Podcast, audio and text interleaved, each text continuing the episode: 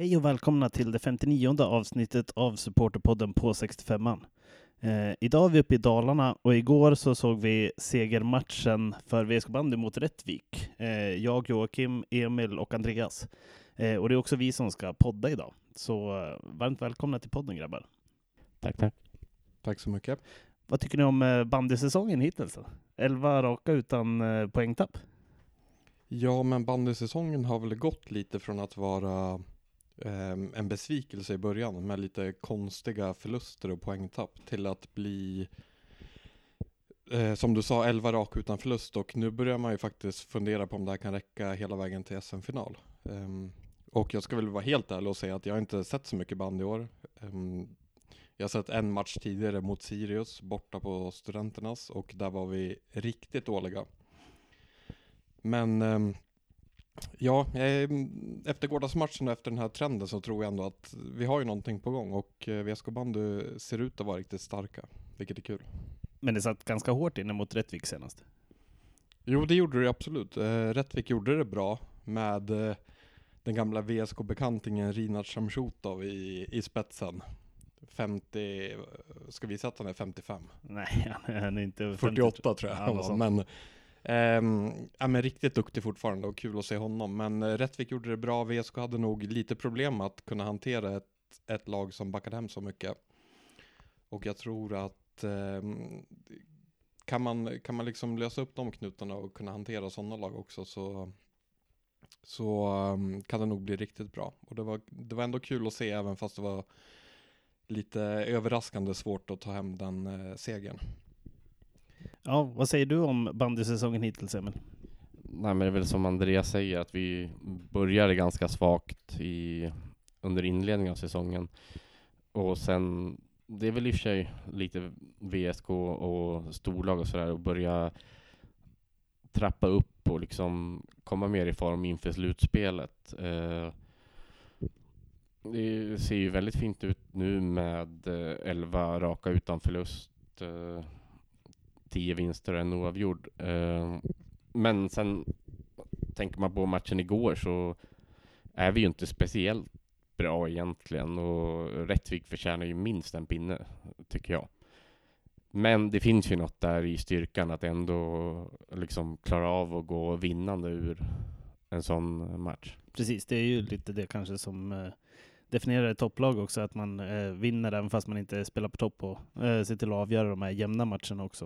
Eh, men kul med lite stöd på läktaren var det också. Ja, det var väl VSKs P08 tror jag, som var uppe och hade gjort någon slags lagresa av det. Det var ju riktigt kul att se deras entusiasm på läktaren. Men eh, det som jag tycker har varit kul att se är ju att VSK ändå har slagit både Edsbyn och Villa borta nu eh, under den här trenden. Och, spelade oavgjort mot AIK borta också. Precis, och där ledde vi väl länge. Mm. Så att vi, vi har ändå visat att vi kan, vi kan slå de bästa lagen. Och eh, vi ska väl räknas in i topp fyran. Ja, det får man ju hoppas. Och det, det känns liksom som att vi har något bra på gång verkligen. Eh, även om det liksom har varit kanske lite coronadrabbat när vi slog Villa och sådär, så, så visar vi att vi, vi är med där framme och eh, kan slå alla lag i den här serien. Så det, det gör ju att vi kan gå hela vägen egentligen. Precis, och eh, det är väl bara att hoppas att eh, nu när restriktionerna släpper också från pandemin att, att det kanske blir lite folk på, på matcherna och att VSK inte har pikat för tidigt utan att man fortsätter att växa. För att eh, då kan det bli en riktigt rolig bandy, bandyavslutning. Och det är man ju som eh, kanske framförallt fotbollssupporter lite Alltså det är då man taggar till, när vi börjar komma in i slutspelet och VSK är bra.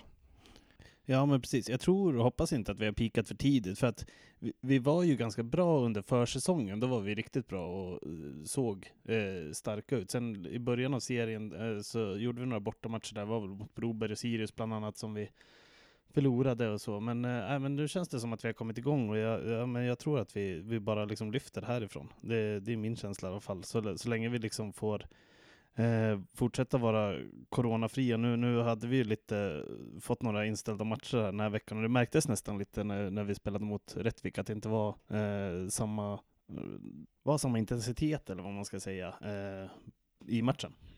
det Nej, kändes precis, det ju- var väl, eh, över en vecka sedan vi spelade liksom. Och, ja, det det syntes, syntes ju ganska tydligt. Men det, överlag så känner jag väl att både VSK bandy som liksom lag och eh, vi supportrar på läktarna brukar kunna steppa upp nu när, det börjar närma sig slutspel och sådär. Det är det fina med VSK-bandet, man vet att eh, den vinnarmentaliteten faktiskt sitter i, i väggarna på Rocklunda. Så att, ähm, ja, är vi bara med där så kommer vi säkert ha mycket att säga till om också. Ja, jag tror att det är viktigt att eh, vi kommer fyra så att eh, inte något av de topp tre-lagen kan välja oss. För det har ju eh, blivit så eh, några gånger att de har valt oss nästan lite på pinkiv, liksom att eh, man vill slå ut VSK. Så att kommer vi topp fyra så att eh, då, då kommer vi förmodligen gå vidare från kvartsfinalen tror jag. Och då, då har vi alla chanser att ta oss vidare från semin också. Och i finalen är det en match så att där kan ju vad som helst hända.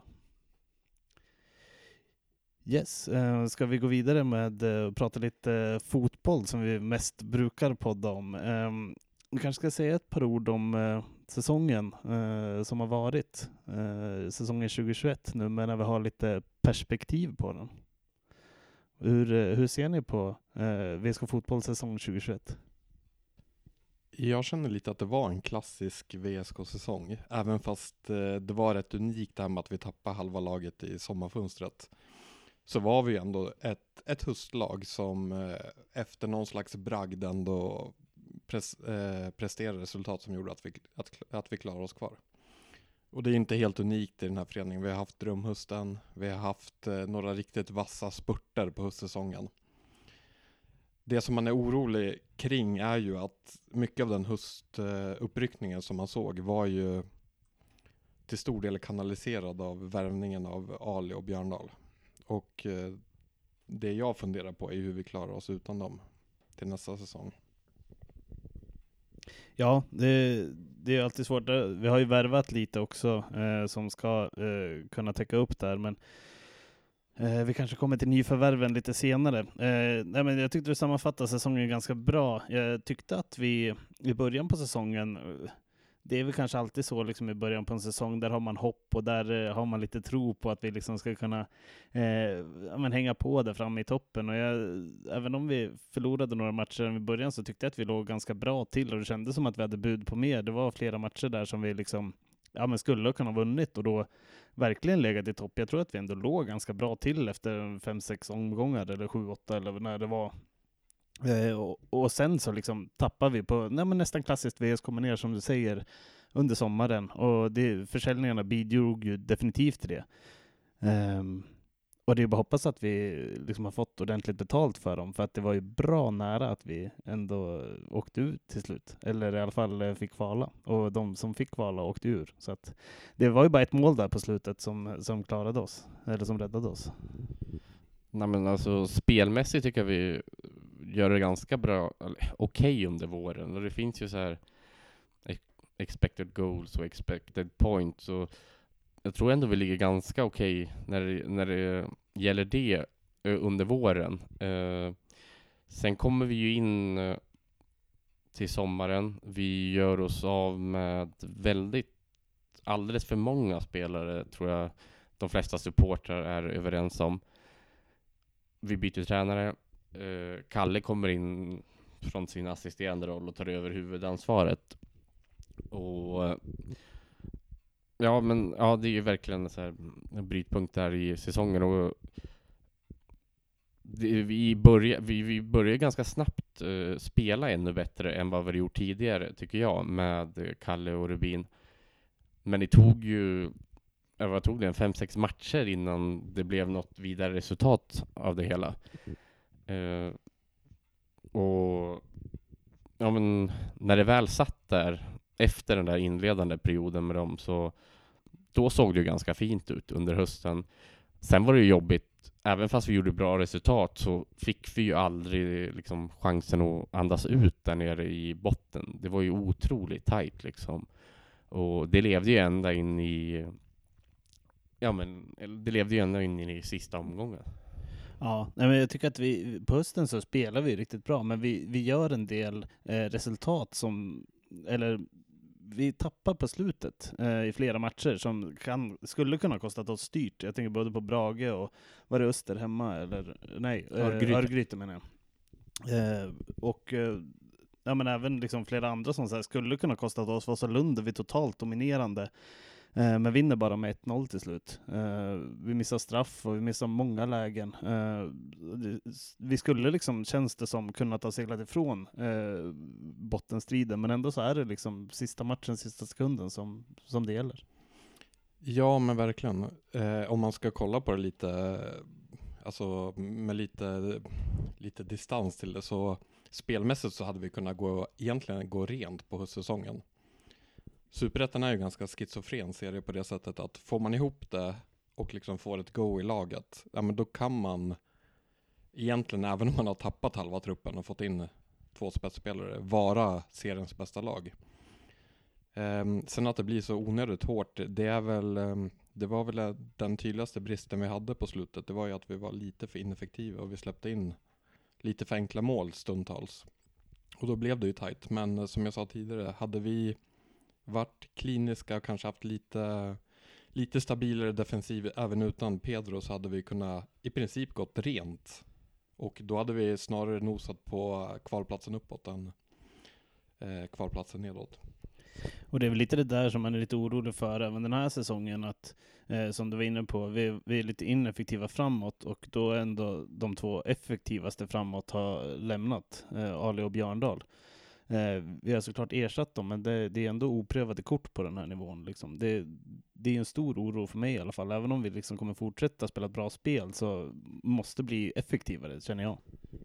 Så är det absolut. Alltså, tittar vi nu på truppen inför, som vi börjar få ihop inför säsong 2022, så alltså jag är spänd på vad den kan prestera, men jag kan också känna att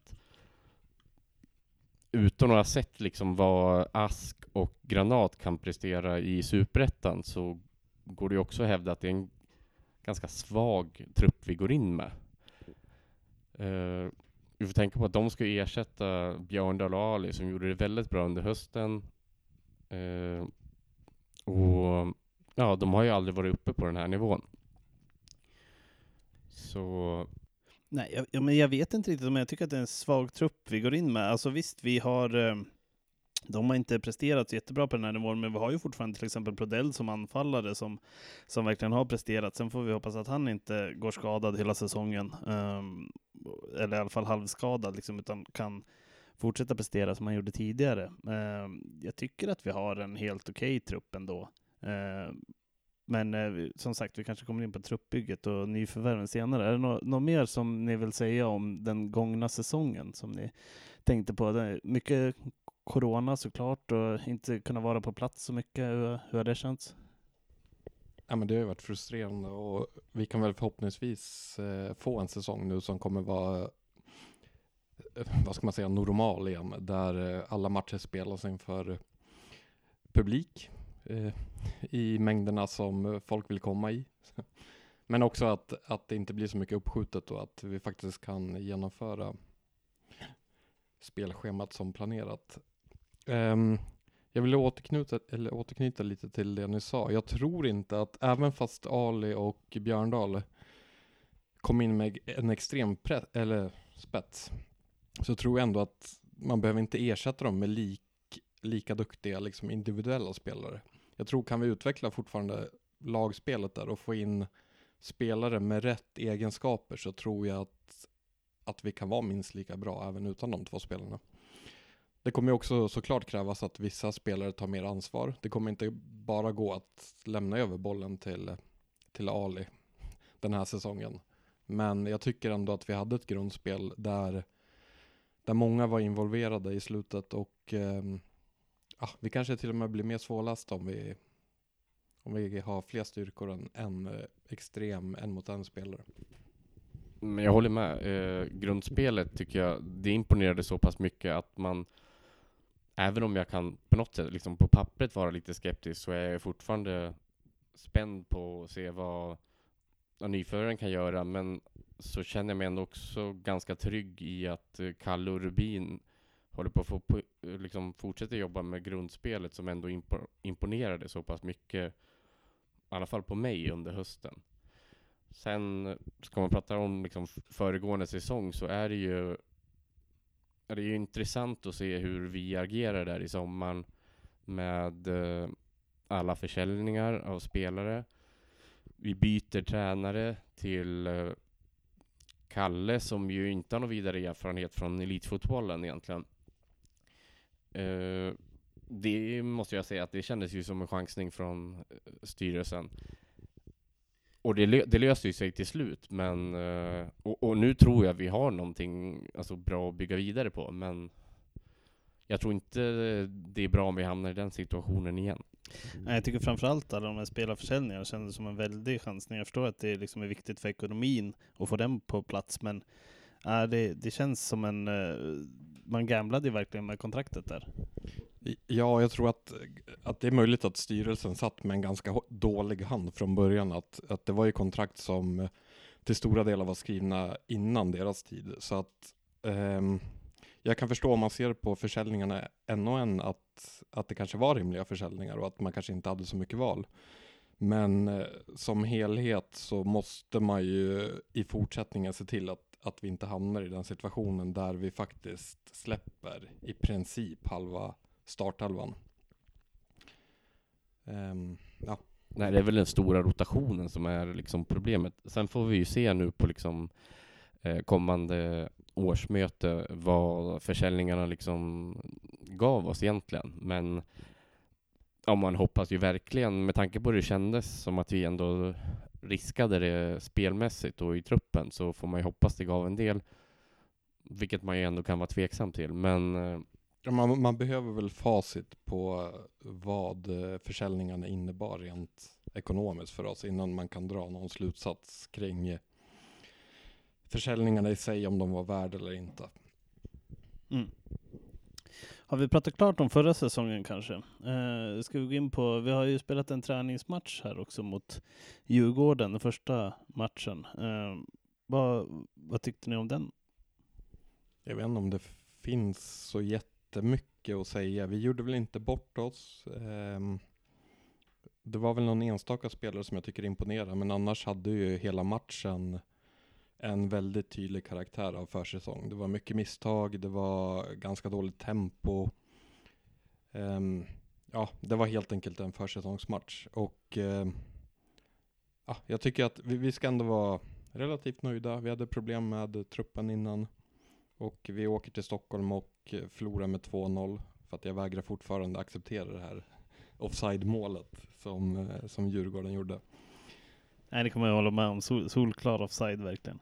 Eh, jag delar eh, din analys ganska mycket du säger. Jag tycker att det är liksom alldeles för tidigt att dra några speciella slutsatser av eh, den matchen. Eh, jag tycker att vi, det jag gillar att se är att vi liksom har det här egna spelet som vi var lite inne på, som, som eh, vi satte under hösten och som vi fortsätter spela och, och, att vi liksom tränar på det ordentligt under träningsmatcherna. Det är liksom inget vi eh, sluta spela bara för att vi märker att Djurgården är bättre och det är liksom, vi kanske ibland har lite svårt att spela upp ordentligt. Så jag tror att vi hade ju kanske fått ett bättre resultat om vi hade spelat på ett annat sätt. Men eh, det är ju precis sådana här matcher där vi ska eh, träna på vårt eget spel och det, det tycker jag är bra. Det är kul att se och det, det, det känns väldigt bra att vi har ett eget spel eh, till skillnad från kanske tidigare. Jag tror att eh, om vi liksom skulle kunna ta steget upp så tror jag att det är mycket eh, värt för oss att ha det egna spelet istället för att spela kanske en mer destruktiv fotboll eller försöka spela en fotboll som går ut på att vara starkare och snabbare än motståndarna. För att om man sen går upp i allsvenskan så är vi kanske inte det.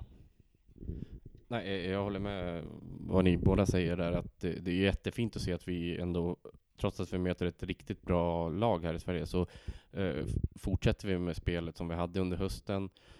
Och jag tror ju det att alltså, ju bättre vi blir på det spelet så tror jag också vi kommer i det långa loppet ha ja, större chanser att vinna matcher helt enkelt. Så jag, jag måste säga att man är ganska, alltså, det var ju lite slarv till och från, men jag, tyck, jag gillade ändå det jag såg att vi försöker spela vårt spel i första halvlek. Sen blir ju andra halvlek eh, som vanligt egentligen i sådana här matcher. Det blir ju lite hackigt, det är många byten och spelare som kommer in och men ja, ja, det går ju egentligen inte att betygsätta en för första träningsmatch känns det som. Man får väl säga också att det är ju roligare att möta liksom Djurgården på Tele2 eh, med en sändning i Discovery än att spela mot arameiska syrianska liksom på Robo IP och kanske vinna med 3-1. Det känns ändå som att om man tittar tillbaks några år och får perspektiv att vi har tagit oss en bit och vi åker till Stockholm möter eh, tvåan i allsvenskan och Kalle är ganska öppen med att så här, vi går in och kör vårt spel och det kanske inte räcker men det här är, vi är här för att liksom utvecklas och träna på det vi gör.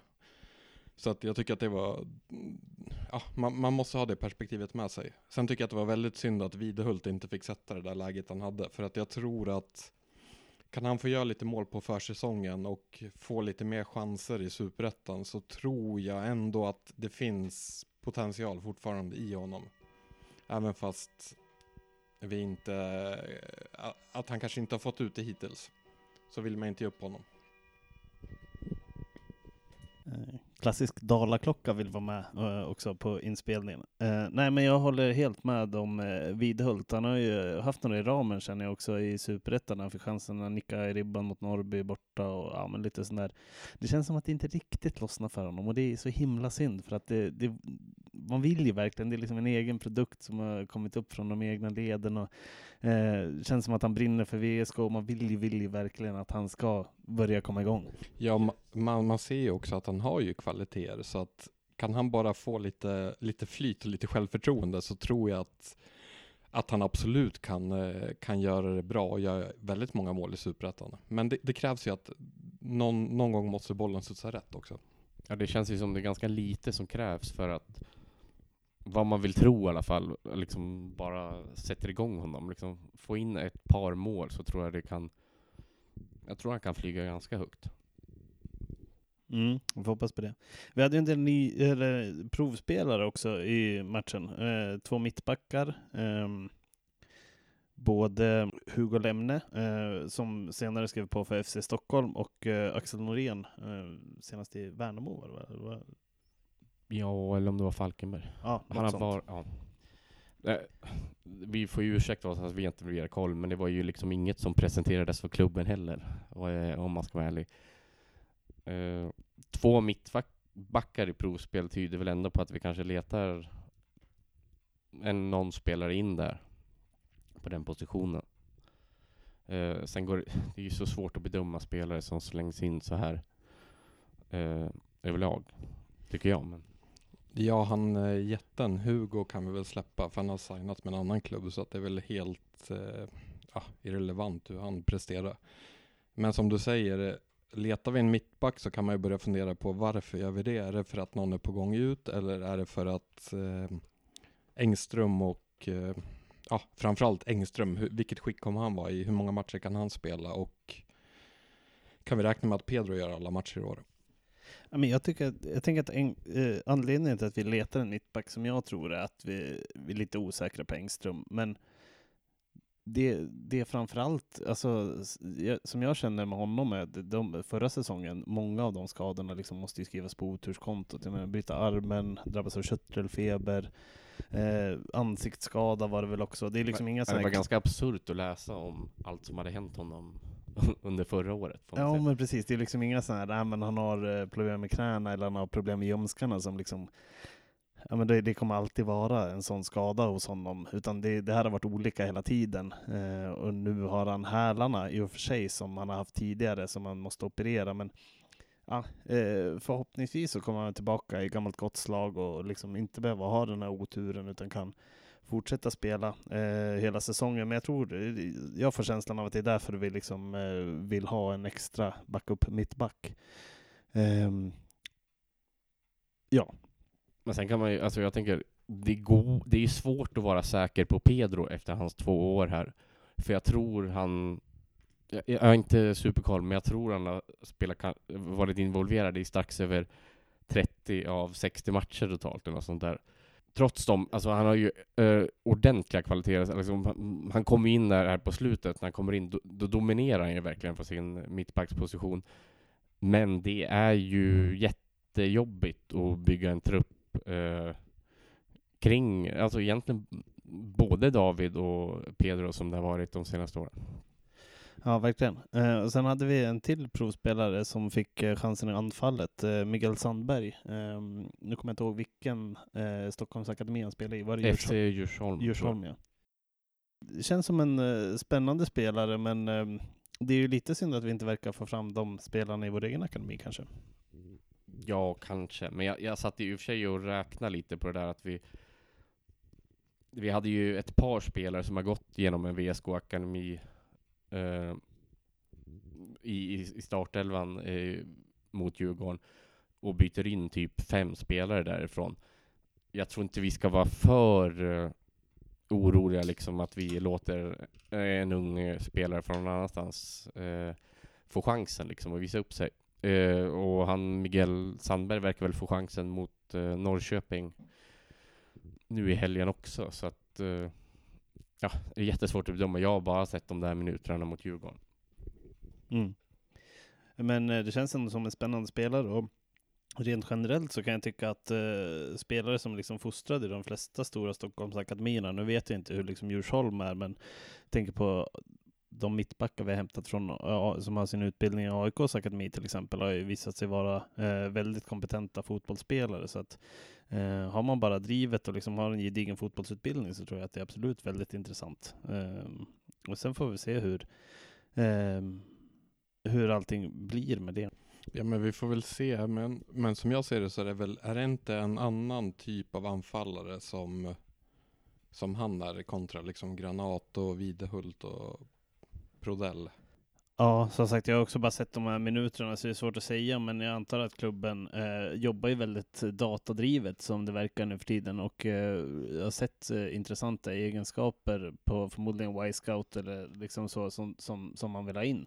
Eh, så jag antar att det är därför vi liksom testar honom i vår miljö och eh, kanske eventuellt erbjuder honom ett kontrakt då. Eh, men eh, ska vi, nu när vi ändå är inne på nya spelare så eh, har vi ändå värvat några spelare också. Eh, ska vi prata lite nyförvärv tänkte jag. Eh, vi kan väl börja med ändå Daniel Ask eh, som vi såg i Djurgårdsmatchen. Hur tycker ni han presterade där? Ja, han kändes ändå ganska spännande tycker jag. Eh, i, någonstans känns det väl som att ja, men han får ta den roll som Ali hade under hösten i en ganska fri någon tia-roll, eller vad man ska säga. Eh, som sagt, det är liksom en första träningsmatch och det blir ju kanske svårt att bedöma för mycket, men jag tyckte framförallt i första halvlek så så liksom, ja, men han ser spännande ut och det ska bli kul att se. Han hade ju en hel del assist förra året i Skövde som gick upp. Precis, eh, kanske skulle presentera honom lite också, men jag antar att de flesta liksom vet vem man är. Man kommer ju från Skövde, eh, är 23 år och mittfältare. Eh, och det är lite intressant att eh, vi, när vi tog in eh, i sommarfönstret så tog vi in Ali och Björndal som ändå hade en liten kemi. Eh, och nu har vi också tagit in Daniel Ask och eh, Viktor Granat också från eh, Skövde, eh, som också har spelat tillsammans och har en liten kemi. Eh, både kanske liksom i anfallsspelet men även i det defensiva spelet. Ja, absolut, det tror jag. Det är inte dumt att de liksom har en, en, en polare i laget som, som man funkar bra med. Om inte annat för liksom tryggheten att komma till en ny stad och ett nytt lag. Um, jag har inte så jättemycket att säga om hur Ask såg ut i första matchen, men jag tycker ändå att eh, konceptet eller den idén vi jobbar lite efter, att vi tar de spelarna som har stuckit ut i, i division 1, är väldigt bra. Och det är väl bara att hoppas att de funkar och att, att eh, granatskada inte var så allvarlig. Så får man väl helt enkelt utvärdera senare. Jag vet inte, hur många mål gjorde Granat i Skövde förra? Det var 25-26?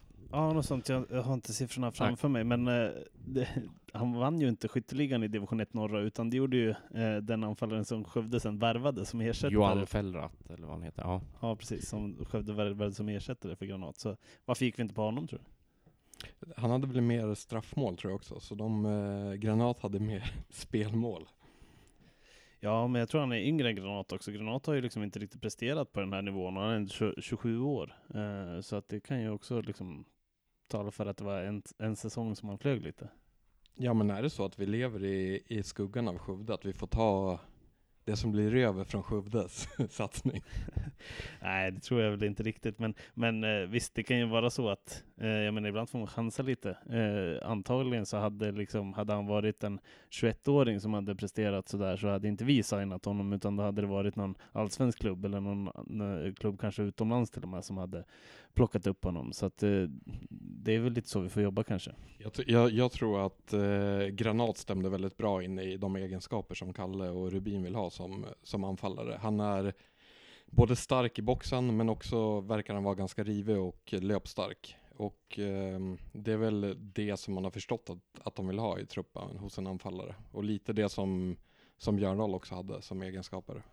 Ja, han kanske till och med kan vara ännu bättre i liksom pressspelet som Ja, man liksom, det märkte man ju tydligt att uh, Kalle och Rubin satte stort värde på. Så. Men det är, så, alltså, det är ju så svårt. Alltså, träffar vi rätt med Ask och Granat, då tror jag det kan bli en ganska fin säsong. Men alltså, man får ju ändå lägga in liksom, brasklappen att de har ju inte spelat på superettanivå. Uh, Ja, men i alla fall, alltså, de är ju ändå oprovade, oprovade kort, så vi, vi får ju se helt enkelt hur vi träffar. Jag tycker det känns som spännande nyförvärv i alla fall. Ja men exakt, eh, strategin är ju rätt. Vi har inte råd att värva liksom etablerade spelare och det är ofta väldigt ovärt att göra det. Det är bara att kolla på många av kontrakten vi tog när vi skulle gå upp i Superettan som, eh, som var liksom baserade på tidigare meriter. Och det är allt som oftast inte värt det. Så att jag tycker att det är helt rätt och man får väl egentligen ha, se till att ha lite alternativ. Funkar inte Granat, ja, men då har vi ju Prodell, Videhult, vi kanske även kommer få den här Miguel. Mm. Så att, eh, ja, men jag gillar tanken och jag tror att det är helt rätt väg för oss att gå. Och när vi ändå pratar om eh, anfallare så har vi värvat en eh, till anfallare, eller eh, i alla fall som kan spela släpare anfallare eller vänsterytter. Eh, jag tänker såklart på David Brova som vi plockat in från Norrköpings akademi som senast var utlånad till Sylvia också. Eh, vad känner du om honom? Det som jag tycker är spännande med den värvningen är ju jag har absolut ingen kunskap av mm, hur han är som spelare eller vad han har presterat. Men det som signalerar något är ju att vi skriver ett fyraårskontrakt, vilket måste tyda på att, eh, att våra liksom sportsligt ansvariga tror väldigt mycket på honom. Så att det är ju en superspännande värvning. Eh, det man blir lite orolig är ju att man har hört lite rykten om att, att han har såklart skadeproblem. Så det är bara att hoppas att han får vara skadefri och att, eh, att man kan hitta liksom en, en utveckling i honom. Så ehm, ja, men jättespännande. Ja, jag också har eh, stannat upp på det där med att vi ska ha fyraårskontrakt och det känns eh, bra på en sån ung värvning, han är 20 år eller någonting och slår han igenom så, så eh, har vi liksom flera år kvar och det borgar ju för att vi skulle kunna göra en dyrare försäljning. Liksom. Så jag tror att det är smart. Och man får bara hoppas att eh, liksom, vi har gjort våran eh, läxa där och att han är eh, så pass skadefri. Nu så fanns det väl någon artikel där att det eh, stod att han har haft problem med ljumskarna i flera år och så, här. så man blir lite orolig som vanligt. Men eh, äh, får han bara hålla sig skadefri så mm, hoppas man ju verkligen att det här kan bli någonting. Men jag gillar att, att man har, eh, det signalerar ju att man har ett commitment och en tro liksom på att man har hittat någonting. Man har en tydlig idé på vad man behöver. Eh, man har en tydlig också tanke på vad, vilka, vilka egenskaper han har och vad man kan få ut av, av honom. Och då är man beredd att skriva ett längre kontrakt. Och det är, jag tycker att det är jättebra. Eh. Ja, men där vill jag också knyta an till någonting, för att jag tycker att det, det liksom gäller an, alla våra värvningar eh, egentligen, att vi liksom har bestämt oss för vad vi vill ha, och sen går vi för dem. Eh, vi plockade in Boruba väldigt tidigt för att vi hade liksom sett ut honom och så här, ja men det, det här är vad vi ska plocka in. Samma sak eh, med Granat och Ask egentligen. Vi, nu har vi liksom tagit dem vi vill ha. Eh, sen tror jag att eh, om vi liksom blir av med några spelare som eh, man kanske inte vill fortsätta satsa på, eh, så kommer man eventuellt plocka in någonting till, eh, beroende lite på vad som finns ute på marknaden. Men man liksom har gjort sin hemläxa och så här, okej, okay, de här spelarna vill vi ha till de här positionerna och sen så har man tagit dem. Det tycker jag är väldigt bra jobbat för att tidigare kanske lite känt som att vi inte riktigt har jobbat på det sättet tidigare utan eh, det är bara att hålla tummarna att vi liksom har den förmågan att bedöma vilka, identifiera vilka spelare som är rätt för, ja, det vi söker helt enkelt. Men eh, ja, det känns, det känns ju bra och spännande. Ja, men jag tror att det här med att ha en tydlig idé, vad vi är ute efter och, och vad vi vill, hur vi vill spela. Det, det är väl det som jag tycker är mest positivt med eh, tränarbytet och hur hösten såg ut. Att det känns verkligen som att Kalle och hans stab har en tydlig idé. Och eh, det finns alltid en risk att allt går åt helvete. Men höjden i i liksom den strategin är så mycket högre än det här att släcka bränder, vi behöver hänga, hänga kvar, vi värvar in någon överprisad mittfältare. Liksom bara, ja, jag vet inte, det finns en ambition och en, en tro på att kanske flyga lite högre än vad vi har gjort. Och eh, ja, jag, tr- jag tror att vi är på rätt väg. Mm, jag håller med. Det, vi får hoppas det. Eh, en annan person som jag vet inte om vi kan räkna honom helt som ett nyförvärv, men i alla fall eh, nyskrivet A-lag- A-lagskontrakt, eh, Alex Lindelöf, eh, riktades ju helt plötsligt till Malmö för flera miljoner. Eh, vad tror ni om det ryktet?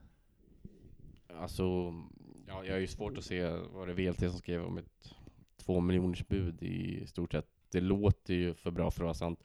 Men det är ju positivt för oss om, om vi utvecklar en spelare så liksom som eh, drar till sig intresse från större klubbar. Det tror jag är, är bra i slutändan.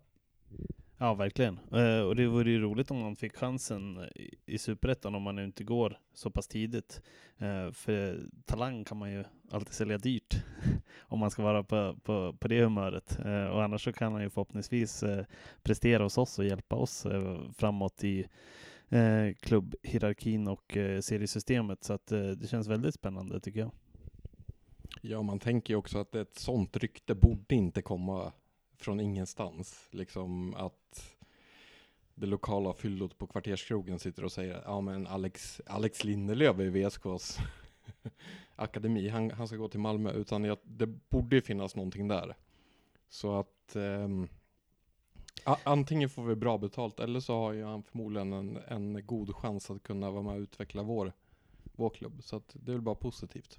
Ja men precis. Eh, jag tror att VLT hade väl eh, någon Franke eh, ledare eller sportchef eller vad han kallade sig som eh, ja, uttalade sig någonting om att de inte hade fått låna honom för att VSK hade fått ett eh, stort bud från allsvenskan och sådär. Eh, sen exakt vad som stämmer, eh, det vet man ju inte men jag tänker att eh, mm, ingen rök utan eld. Eh, så så liksom, någonstans tror jag att det finns ett intresse för honom. Eh, sen hur liksom, konkret det är eller om det finns ett bud på bordet och så vidare. Det, eh, det vet man ju inte, men, men att han bara drar till sig liksom, det intresset tycker jag är himla intressant. Ja, det säger väl ganska mycket om, om Sveriges bästa fotbollslag är intresserad av en av våra unga spelare, att han, att han har någonting. Och det, ja, det gäller ju bara som sagt att antingen eh, behåller vi honom och utvecklar själva eller så tar vi rejält betalt om vi ska sälja en spelare som är så ung och som drar intresse från, från den största klubben i Sverige. Mm, verkligen. Eh, sen förutom liksom, eh, de nyförvärven så hade, har vi några kontraktsförlängningar också. Olle Edlund, eh, känns ju bra att han förlänger eh, åtminstone med ett år, även om jag gärna hade sett att det var något år till. Men eh, det känns som att man i alla fall slipper bli av med honom, i, eller att han lämnar i det här fönstret.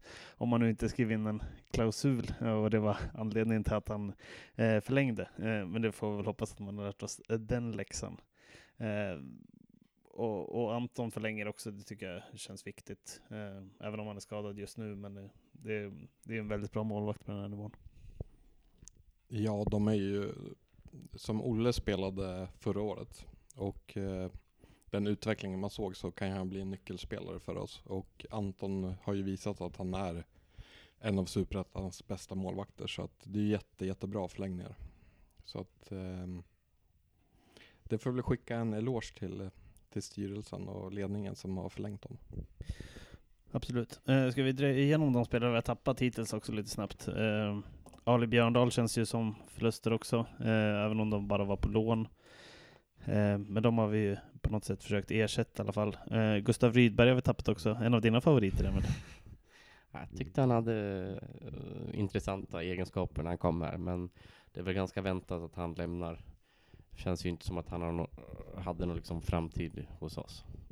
Nej, det är väl en sån här spelare också som, alltså vi får ju leva med att vi, vi tar in spelare och vissa flyger och vissa flyger inte och funkar de inte eller ja, de är inte det vi vill ha så då skickar man vidare. Det kommer ju vara så och eh, på något sätt är det ändå ett sundhetstecken att vi tar in spelare, testar dem. Är de inte tillräckligt bra så får de gå vidare. Precis, vi får hoppas att vi bara inte gör för, för alldeles för dåliga affärer. Eh, se om han hade ett långt kontrakt och eh, fick eh, mycket lön, men det tror jag inte. Eh, så att det, det är liksom den avvägningen man får göra. Eh, vi har även eh, sålt Sebastian Selin, eh, målvakt till Hammarby. Hur känner ni av den försäljningen? Eh, ja, det är väl bara att hoppas att vi har fått vettigt betalt. Han, han är ju väldigt ung, han har egenskaper är lika med lång som målvakt som är eh, väldigt viktiga. Och eh, tar man en sån spelare så tycker jag att man ska betala och det är bara att hoppas att, att vi har lyckats förhandla oss till en vettig eh, övergångssumma. Annars så, det var inget, kanske inget så sportsligt tapp så. Det är väl möjligtvis att han hade funkat att vara andra målvakt den här säsongen, men eh, han är ju klart bakom Anton och just nu också bakom Daniel. Så att. Jag tyckte det var ganska, på sätt och vis var det ändå ganska väntat att han skulle lämna innan han han göra några större avtryck hos oss. Eh, när vi förlängde med Anton så blir det ganska uppenbart, han är ju liksom eh, tydlig första målvakt och eh, uh, Selina är liksom talangfull och varit i landslag och sådär.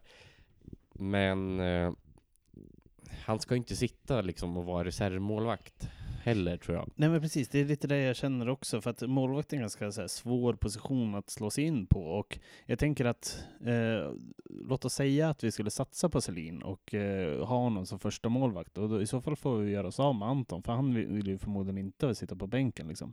Eh, och, och, om Selin då gör det bra, då kommer ju han lämna förmodligen för en allsvensk klubb eller för för någon annan klubb. Eh, och då så står vi där utan en liksom bra första målvakt. Visst, förhoppningsvis har vi fått bra betalt och liksom kan värva in någon ny, men det där blir, det blir liksom ganska svårt. Jag tycker att det inte det är inte så himla dåligt att sälja talangen, för man vet inte heller hur det blir med honom. Alltså han, skulle, han kan floppa fortfarande. Nu, det är inte något jag hoppas på, men liksom det, det, man vet aldrig. Nej, men sen, sen handlar ju liksom allt i slutändan om vad det ger oss ekonomiskt, den här affären. Ja men såklart. Eh, förhoppningsvis har vi en deal som både ger oss okej okay pengar här och nu, men som kan ge lite mer pengar eh, framöver också. Nej men eh, just positionen målvakt är ju också så att vi kanske inte är i ett läge där vi kan gå in eh, i en säsong och chansa på den positionen. Så att som du säger, ja, vi har Anton där och för honom så är det säkert bättre att gå till liksom en annan klubb där han kanske får spela. Ja, det skulle vara en jäkla chansning om vi hade bestämt oss för att satsa till exempel på Selin som liksom första målvakt i år. Det, det, är ju mycket möjligt att det hade liksom slagit väl ut, men det är ju verkligen en chansning och det kanske vi inte, liksom med tanke på resultaten de senaste åren, kanske vi inte har råd att chansa på sådana viktiga positioner. Så då blir det ju ganska naturligt att Anton förlänger och eh, Selin går vidare. Ja men det är lite för hög risk, eh, hög risk i den chansningen. Vi har, vi har chansat på målvaktspositioner förut. Vi gjorde det när vi var i Superettan 2011, var det det? Med Christian Kåker. Och det följer inte jätteväl ut så att jag tror att just målvaktspositionen kan det vara ganska bra att ha stabilt liksom. Mm.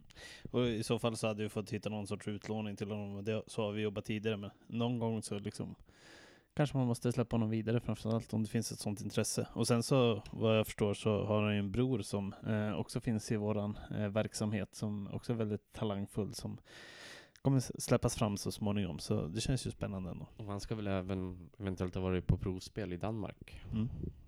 Så, ja. Danmark, där finns det pengar har man eh, snappat upp i transferfönstren.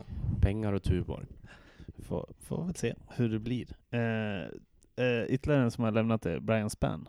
Eh, väldigt synd tycker jag. Det är en väldigt lojal och eh, duktig spelare, aldrig gnällt eh, och tycker jag presterat ganska bra när han har väl fått chansen. Så att det är synd, men uppenbarligen så passar han inte in i Kalles strategi och spelidé. Nej, jag tycker inte det finns jättemycket att säga mer än att liksom skicka kärlek och eloge till Brian. Han har gjort det bra. Eh, jag, ska inte säga, jag ska inte gå så långt så att han är en legend, men han är liksom, man kommer minnas Brian som en, en eh, bra spelare och en bra person. Så att tråkigt, men eh, det är som det är.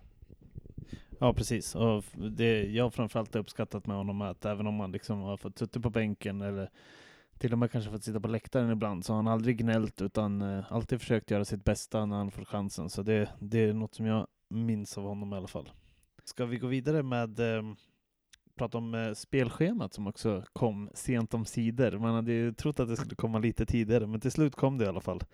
Eh, och eh, vi fick premiären mot Brommapojkarna igen. Eh, det var ju ganska trevligt senast, eh, men eh, lite eh, tråkigt att eh, ha en likadan premiär, eller vad tycker ni?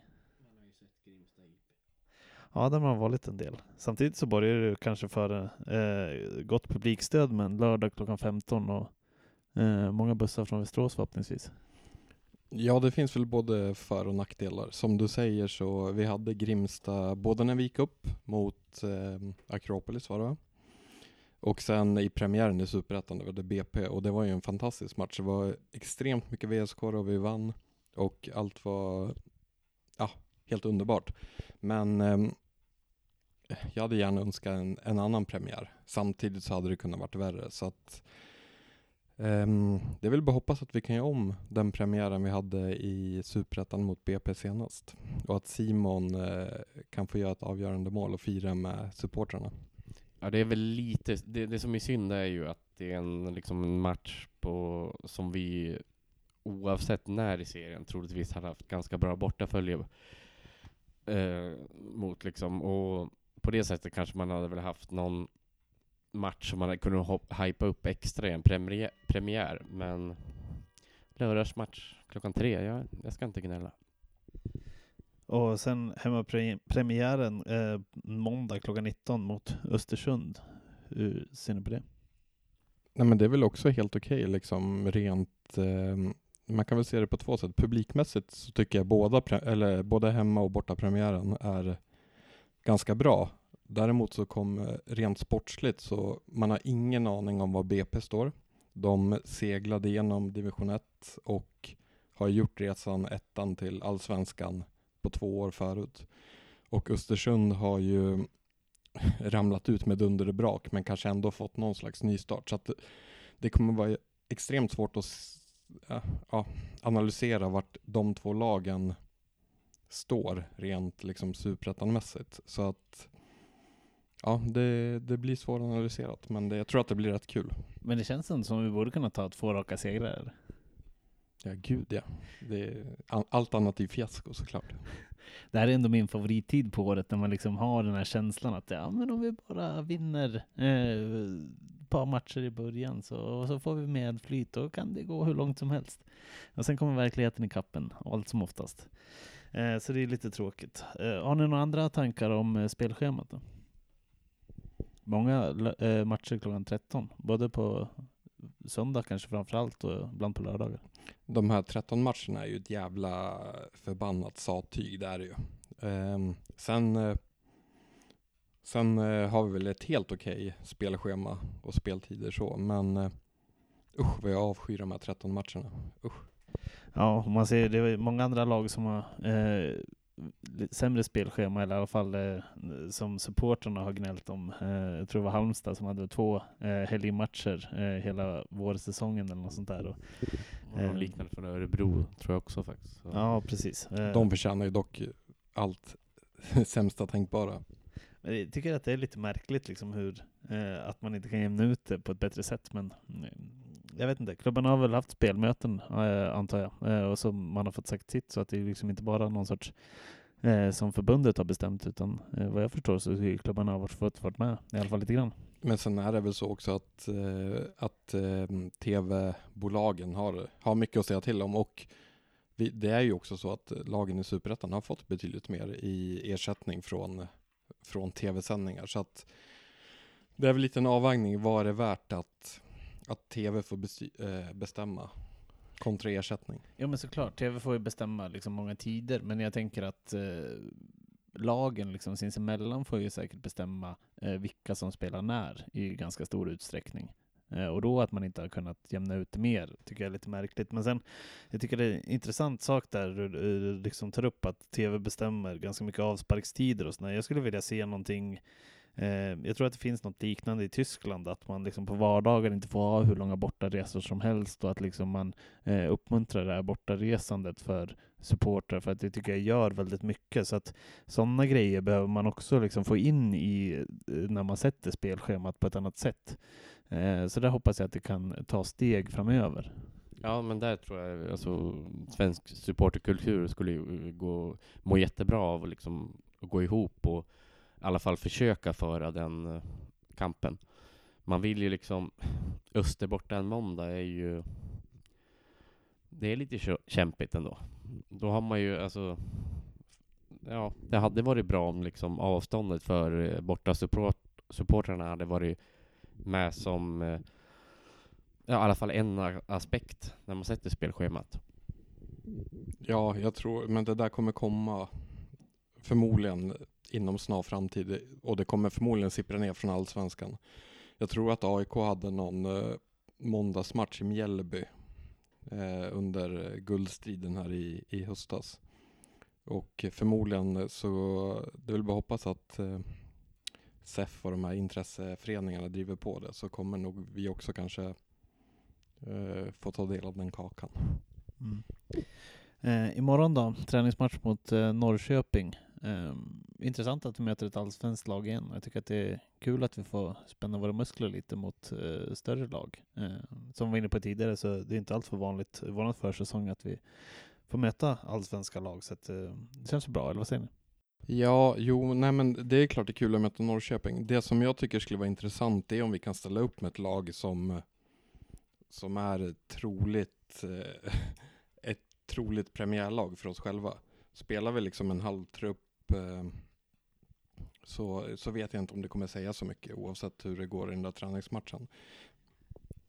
Nej, det är väl lite så med träningsmatcher. Eh, förmodligen så kommer vi såklart vila alla spelare som eh, har några små känningar eller eh, är halvskadade eller vad det nu kan vara. Så att, jag tror inte att vi ska ha alltför stora förhoppningar på att vi liksom kan ställa upp med någon sorts premiärelva, utan det kommer väl lite närmare premiären. Då. Men det är ju alltid kul att som sagt få spänna sina muskler mot större lag. Ja, jag håller med. Det är kul att möta oss mot dem. Sen hade det blivit en annan sak om vi kanske hade fått möta dem i den svenska kuppen liksom. Nu är det ändå en träningsmatch. Eh, det kommer bli många byten och alla som har någon enstaka liksom, liten grej kommer ju vilas. Men det är kul att se oss mäta oss mot eh, bra lag. Men vad tråkigt det är att vi inte är med i Svenska Cupen. Det måste man ändå säga, även fast eh, vi får väl se. Vi kanske blir otroligt bra i serien nu istället. Men eh, nej, som supporter är det ju tråkigt att vi inte får drömma om Europa nu. Vi har aldrig varit så nära Europa som vi var förra våren där. Nej, verkligen. Och det känns ju tråkigt, men vi får verkligen hoppas att vi blir bättre i serien, för det har varit lite återkommande från både vissa tränare och spelare att uh, vi gick för hårt i Svenska Kuppen och därför hade en liten dipp i början av serien. Så vi får verkligen hoppas att uh, det här speglar av sig på serien nu då. Men nu börjar det bli dags att runda av den här podden kanske. Eh, har vi några sista ord till lyssnarna? Ja, men vi kan väl skicka med. Det kommer ju en nyhet på VSK Fotbolls hemsida om att årsmötet är analkande i, i vår här och eh, det är väl eh, fint att uppmana folk till att bli medlemmar och eh, även komma på årsmötet. För eh, föreningsdemokrati är väldigt fint och eh, VSK ännu finare. Så att den kombon är ju fantastisk. Men det tycker jag var bra slutord. Jag tycker också att det är bra att VSK känns som att de eh, även har börjat uppmana till att eh, folk ska bli medlemmar och folk ska komma på årsmötet och göra sin medlemsröst hörd. Så det, det låter väl som bra slutord. Men vi säger väl som vanligt också heja sport. Heja sport. Heja sport.